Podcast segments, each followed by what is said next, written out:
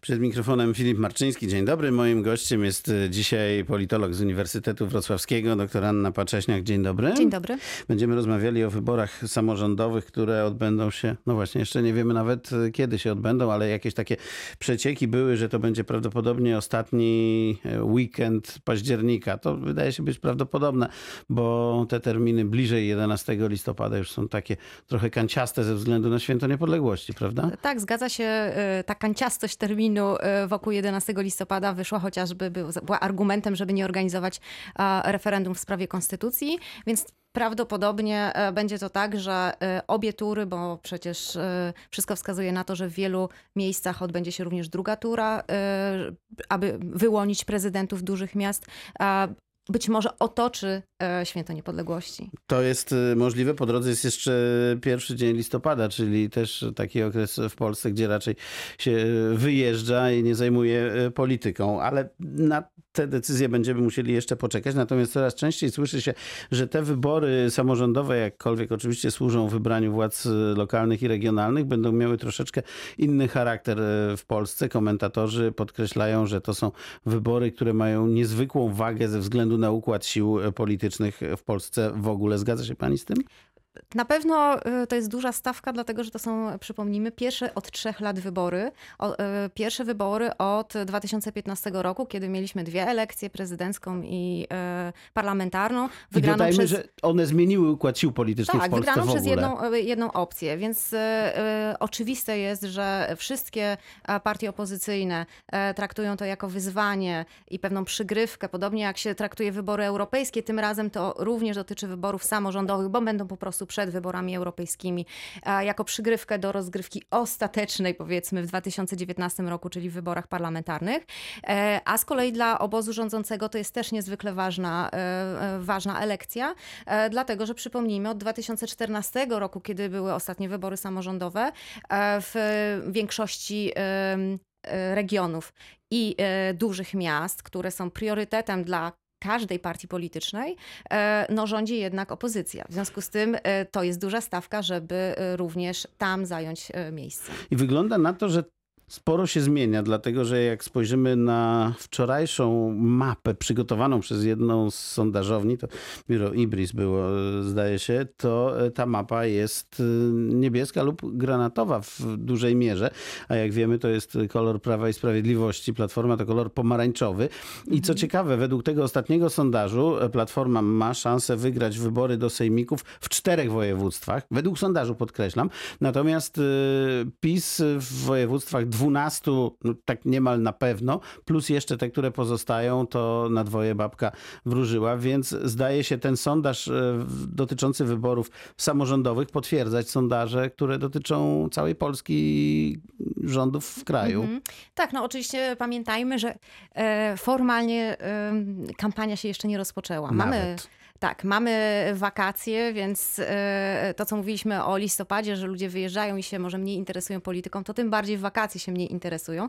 Więc jeżeli dzwoni ankieter, to e, oczywiście oceniamy obecny e, no przecież nie samorządy, tylko właśnie Partie. rząd i partie.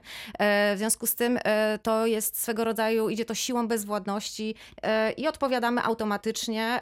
No a to pokazuje, zresztą inne sondaże również pokazują, że Prawo i Sprawiedliwość ma poparcie, e, ma poparcie w społeczeństwie. Natomiast e, zobaczymy, co się będzie działo po wakacjach, e, bo wtedy na, dobrze, na dobre ruszy kampania i pewnie pojawi się więcej billboardów również we Wrocławiu z większą liczbą twarzy. Tak, chociaż tych billboardów jest już bardzo dużo mimo braku kampanii. Ogromne twarze kandydatów, a nawet co ciekawe, ludzi, którzy nawet kandydatami jeszcze nie są, e, spoglądają na nas czujnym okiem, e, takim ojcowskim nawet trochę. Tak, bo to chyba- sami mężczyźni. Zauważmy, że na razie we Wrocławiu te billboardy, które są, oczywiście nie kandydatów, bo tam nikt nie mówi, że kandyduje na prezydenta Wrocławia, tylko że ma pomysł na Wrocław albo... I w- I w ogóle istnieje. I, a, I w ogóle istnieje, podsumowuje to, co już zrobił, no to na razie to są sami mężczyźni, mimo że przecież kobiety również stają w szranki we Wrocławiu. Tak jest i do tego dojdziemy zaraz. Natomiast najważniejsza e, decyzja według doniesień nieoficjalnych wydaje się być już e, podjęta. No ale tak jak powiedziałem, na pewno jeszcze tego nie wiemy. Platforma Obywatelska, czy teraz połączeniu w tą koalicję obywatelską dziwne ruchy wykonywała we Wrocławiu, bo przypomnijmy Alicję Chybicką, przypomnijmy Kazimierza Michała Ujazdowskiego. To była para kandydatów, która już oficjalnie przecież właściwie była namaszczona. Zostali wycofani. No i teraz co, jak pani przewiduje? Co będzie? Kto będzie kandydatem Koalicji Obywatelskiej? Znaczy, polityka jest dlatego fascynująca, bo jest nieprzewidywalna, natomiast we Wrocławiu ta nieprzewidywalność przekroczyła chyba pewne granice. Ludzkie pojęcie. e, Tak, wytrzymałości, dlatego że e, e, i, i stąd tak trudno jest e, przewidzieć. Oczywiście pojawia się nazwisko zresztą pana z billboardu również, e, Jacka Sutryka, który ma być już tym e, kandydatem koalicji e, obywatelskiej, ale pamiętajmy, że jest tam również w tym, w tym, po tej stronie Michał Jaros, który jakby namaścił się sam. Przez moment był również kandydatem swojej macierzystej partii, czyli Nowoczesnej. Tak jest. W związku z tym po tych ruchach Platformy Obywatelskiej, czyli to byłby trzeci kandydat Platformy Obywatelskiej w przeciągu no, kilku miesięcy, e, podejrzewam, że e, mało jest osób, które by postawiły duże pieniądze na to, że to już jest ostateczny kandydat e, tej formacji. Ale to nam pokazuje trochę, że te wybory regionalne są traktowane przez partie mm, polityczne, te, te największe, w każdym razie tutaj jakby trochę przez Platformę w sposób pewien, w pewien sposób instrumentalny. To znaczy w zasadzie to, przepraszam, ale to trochę od, takie jest powiedzonko, od sasa do lasa, prawda? Y, Ci, ci kandydaci, więc właściwie wszystko jedno. Ten, kto poprzemy, ten, kogo poprzemy, y, od razu ma większe szanse i od razu staje się e, no, naszym kandydatem, jakby trochę nie mm, bierzemy pod uwagę to, kim jest, jaki jest y, i tak dalej. Tak, oczywiście, znaczy podejrzewam, nie oczywiście, bo nie znam e, tych e, negocjacji od środka, natomiast e, pamiętajmy, że ten drugi kandydat, czyli Kazimierz Ujazdowski, wzbudził spore kontrowersje zarówno wśród koalic- e, koalicjantów i przede wszystkim e, u Nowoczesnej, ale również w strukturach partyjnych. A przecież, żeby forsować pewnego kandydata, potrzebny jest nam ten aparat e, partyjny, struktury. Tak zwane które- doły, tak? tak, tak zwane doły plus pieniądze partyjne, tak? Bo oczywiście kandydat, zwłaszcza ten z zewnątrz partii politycznej, musi przyjść z jakimiś zasobami również finansowymi, natomiast to jest również wsparcie partii. W momencie, kiedy nie ma zgody w partii politycznej na takiego kandydata, e, szef partii e, musi się zastanowić, tylko dobrze by było, żeby zastanawiał się przed nominacją i namaszczeniem kandydata, a nie po. No właśnie, a propos pieniędzy, to jeden z kandydatów y, na budynku mieszkalnym, tak zwanym bloku, jest naprawdę gigantyczny. To są wielkie pieniądze, prawda, już teraz wydawane, ale wszystko wskazuje na to, że kandydatem koalicji będzie Jacek Sutryk. Przy okazji kandydat też Rafała Dudkiewicza, czyli właściwie trzy silne nurty polityczne go poprą, co y, stawia go prawdopodobnie y, w roli tego głównego kontrkandydata y, Mirosławy Stachowiak-Różeckiej.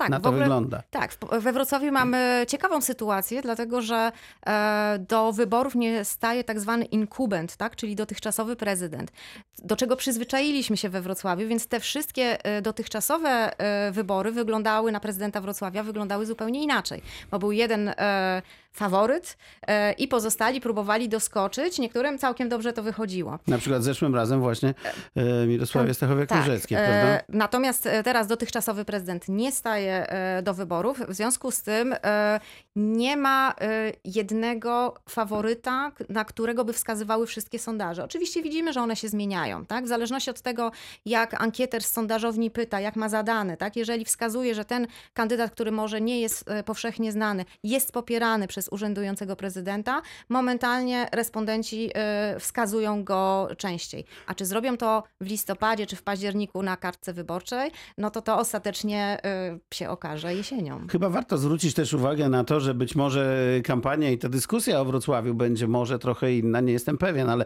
e, do tej pory, ponieważ to był, jak to pani ładnie nazwała, inkubent, e, to ten inkubent zwykle mówił, ja nie będę z wami debatował, ja nie będę z wami rozmawiał, czyny za mnie zaświadczyły, oto widzicie, jaki jest mój pomysł na Wrocław i co ja robię, a wy sobie tam tak trochę w domyśle, w nawiasie maluczcy rozmawiajcie gdzieś. E, Tym razem będzie chyba inaczej. Czy sądzi pani, że Jacek Sutryk wejdzie w buty inkubenta? Nie, myślę, że nie, nie. Nie powinien sobie na to pozwolić, ponieważ jako e, dotychczasowy urzędnik nie jest powszechnie znany. To naprawdę jest e, duża e, pułapka, kiedy tak jesteśmy w tej bańce otoczeni naszym sztabem wyborczym czy naszymi poplecznikami i wszyscy nas klepią po plecach i mówią, że świetnie sobie radzimy. Sondaże też to pokazują. To przecież środowiska medialnego też dotyczy, bo środowisko medialne dobrze zna pracowników, Tak. powiedzmy tak, urzędu, prawda? Na pewno dużo lepiej niż e, obywatele. Zgadza się. Natomiast ostatecznie to Mieszczanie. obywatele, tak, obywatele będą e, wybierać e, swojego prezydenta. W związku z tym e, takie właśnie niechodzenie na debaty. Oczywiście umówmy się, na debaty nie chodzi zbyt wielu wyborców, natomiast one są potem em, Relacjonowane relacjonowane przez media, w związku z tym to echo jest większe. Więc rzeczywiście to, na co pan zwrócił uwagę, ja o tym nie pomyślałam, ale to, to Wrocław, debata o Wrocławiu na pewno na tym zyska, że wszyscy kandydaci e, będą chcieli o Wrocławiu rozmawiać, aczkolwiek wiadomo, że w momencie ja sobie zliczyłam to wczoraj, po tym jak dostałam zaproszenie do dzisiejszej rozmowy dnia, ilu kandydatów już ogłosiło, czy ile osób już ogłosiło, że chciałoby startować i to jest na razie 11 osób. E, przypomnę, że 4 lata temu w ogóle było 10 kandydatów, więc to widać, że ta stawka jest duża, aczkolwiek nie wszyscy startują po to, żeby wygrać. Ale jak spojrzymy na tą stawkę, tak na koniec jeszcze chciałbym e, zapytać, czy też pani tak to widzi, to mamy kandydatkę PiSu Mirosławę Stachowiak-Różecką i e, jakby dziewięciu albo dziesięciu nawet opozycjonistów, to znaczy środowisko, które moglibyśmy nazwać antypisowskim jest rozdrobnione bardzo, choćby te trzy panie, Marta Lempert, Katarzyna Obara, Małgorzata Tracz, prawda?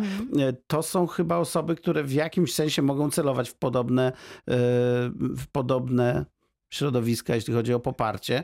No i to jest bardzo rozdrobnione. Tam akurat z drugiej strony wygląda to solidniej.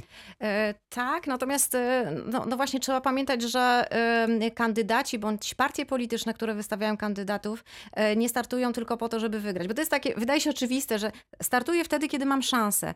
No ale jasne jest, że jak popatrzymy na, do, może nie dorobek, ale poparcie i rozpoznawalność tych kandydatów, to nie jest to ten cel, tak? Więc celem może być również taka motywacja inwestycyjna, tak? Czyli ja startuję w tych wyborach po to, żeby ugrać coś w miarę szybko, bądź w przyszłości za parę lat. E, To jest też kwestia budowania czy podtrzymywania lojalności i mobilizacji stałego elektoratu. O tych osobach, które pan e, wymienił tu z imienia nazwiska, to raczej one nie mają stałego elektoratu, ale chociażby e, kandydowanie w różnych wyborach w dużych miastach, wystawianie kandydatów przez Polskie Stronnictwo Ludowe, na tym to polega. Przecież jasne jest, że nie mają nadziei, że e, te wybory 1% w wygrają. Warszawie, ale Tak. ten kandydat zawsze jest, czyli chodzi We o... Wrocławiu jeszcze nie ma. We Wrocławiu jeszcze nie ma, ale w Warszawie mówię, że tam Tak. zawsze jednoprocentowe czy dwuprocentowe poparcie, ale mimo to kandydat się pojawia. Ciekawe, czy we Wrocławiu się pojawi. E, No właśnie, pytanie, czy we Wrocławiu się pojawi. Widzimy, że Kukiz 15 ma niemal martwą stronę e, wrocławską. E, Od e, maja, zdaje się, jest jeden z kandydatów, który był 4 lata temu popierany przez Sojusz Lewicy Demokratycznej. Teraz e, uznał, że jest popierany przez Kukiz 15. To też jest dosyć egzotyczny, e, egzotyczny sposób kandydowania. Więc to też nie jest tak, że mamy e, kandydatkę PiS e, i wszyscy są przeciwko kandydatce PiS, dlatego że część tych kandydatów z tych 11 jest również przeciwko kandydatowi wyłanianemu przez Koalicję Obywatelską. Czyli można powiedzieć, że Wewnętrzne tarcia. tak, że tam się boksuje pod e, dywanem wielu wojowników. To jaka będzie druga runda? No druga runda, no myślę jednak, że to będzie e, potyczka między kandydatką Prawa i Sprawiedliwości i kandydatem, e, bądź kandydatką, jeżeli to znowu zostanie zmienione, Koalicji Obywatelskiej. Czyli Jacek Sutryk, Mirosław, Mirosława Stachowiak-Różecka. Wszystko na to wskazuje. Doktor Anna Pacześniak, politolog Uniwersytet Wrocławski była naszym gościem. Bardzo dziękuję. Dziękuję.